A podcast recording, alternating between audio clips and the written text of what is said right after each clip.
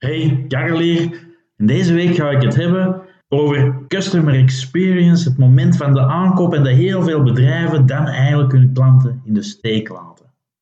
Het is zo dat bedrijven heel veel geld investeren in het aantrekken van klanten en eigenlijk vergeten dat de echte customer experience pas begint op het moment van de aankoop. Als bedrijf is het dan eigenlijk echt wel back to square one en dan zien we dus net die aandacht van bedrijven verslappen.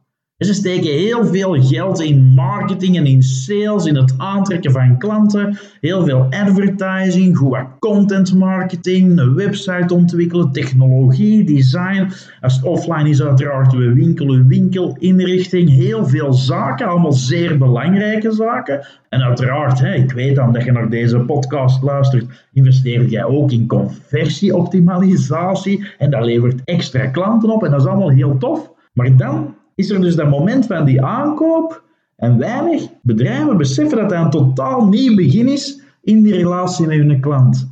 Het is eigenlijk echt wel te vergelijken met een gezelschapsspel waar je dan terug naar de start moet. Je moet eigenlijk opnieuw beginnen. Back to square one. Alle beloftes die dat je hebt gemaakt, die moet je nu ook echt gaan waarmaken. Alles wat jij belooft aan die klant, dat is goed en wel, maar op het moment van de aankoop heeft hij wel zoiets, oké, toon het mij nu maar eens. Het is een beetje zoals in een echte uh, liefdesrelatie, een beetje, waarbij dat je iemand het afmaakt en je hebt die de wereld beloofd, maar ja, je moet dat ook wel waarmaken, anders gaat die relatie waarschijnlijk ongelooflijk lang duren. En uiteraard zijn er ongelooflijk veel momenten in die relatie en kan er nu even dat eerste moment uitpikken.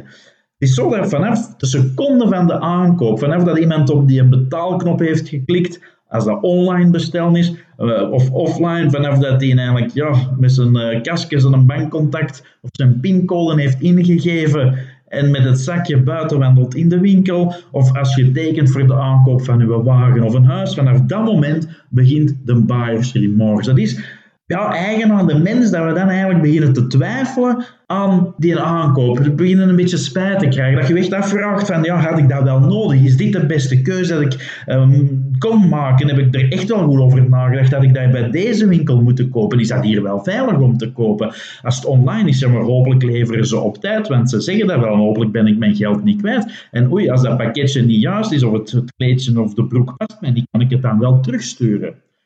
Maar dat geldt ook in de offline wereld. Hè. Als je vanaf dat je buiten wandelt, ik weet niet, in, in een modewinkel heb je ook zoiets van, oh, oh, hopelijk kan die schoenen mij echt passen, want misschien was dat in de winkel en heb ik mij toch wel laten doen, omdat die winkeljuffrouw of winkelmeneer zei, ze passen nu.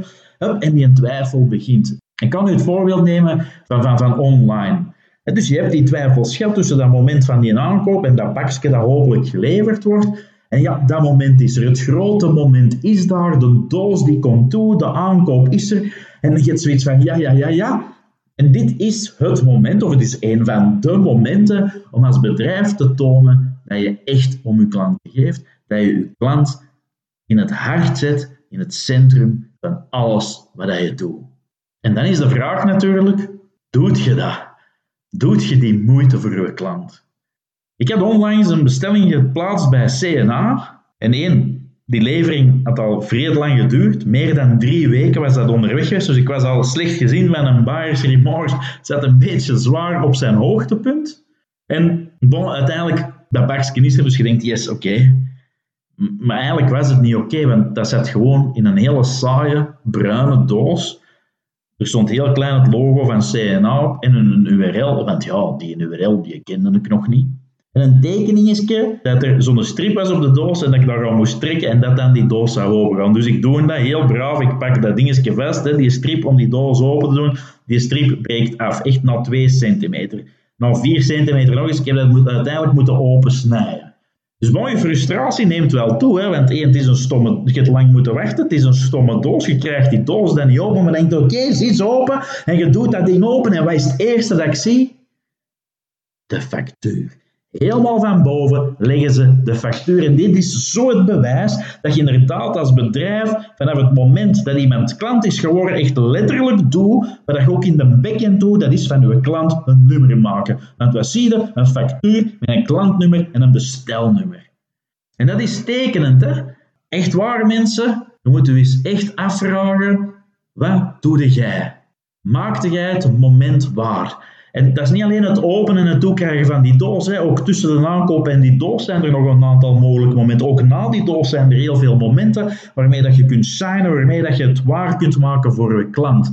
En je moet dus afvragen of gaan onderzoeken van hoe ga ik om met mijn klanten zodra dat ze klant zijn en hoe kan ik dat beter maken? Hoe kan ik die klanten gelukkiger maken? want net zoals iedereen beloofde jij waarschijnlijk voor de aankoop de hemel op aarde en laat je ze daarna misschien wat in de kou staan. Daarna is er misschien weinig van te merken. En hopelijk behandel je de klanten niet als het klantennummer dat je hen geeft, maar ik ben zeker dat er heel veel zaken zijn die beter kunnen. En een beter idee natuurlijk, in plaats van dat zelf te doen, is dat om dat uit te besteden aan iemand van buitenaf, die ook een klare kijk heeft, die dan niet beïnvloed is door ja, in die organisatie zelf te zijn. Want als je dat zelf doet, dan heb je altijd toch een klein beetje oogkleppen op. En dan heb altijd van, ja, maar we doen dat al zo lang, ja, maar dat kan niet anders, het is hoe dat het is. Nee, nee, nee, nee, nee. Want dat weet de klant ook niet. De klant heeft geen weet van uw interne systemen en dat zou eigenlijk geen belang mogen spelen of toch geen groot belang in die totale klantervaring. Dus in plaats van inderdaad dat zelf te doen, moet je het proces eens uitbesteden aan een bedrijf dat erin gespecialiseerd is. En die heel dat proces onder de loep nemen. Die gaan kijken hoe dat we van uw klanten nog blijere klanten kunnen maken. Klanten die opnieuw en opnieuw en opnieuw bij u terugkomen. Klanten die iedereen laten weten hoe tof en hoe geweldig het is om bij u klant te zijn. En moest u afvragen wie dat er zo'n bedrijf is? Wel, uh, ja, wij doen dus dat soort zaken voor onze klanten. Ciao, tot volgende week.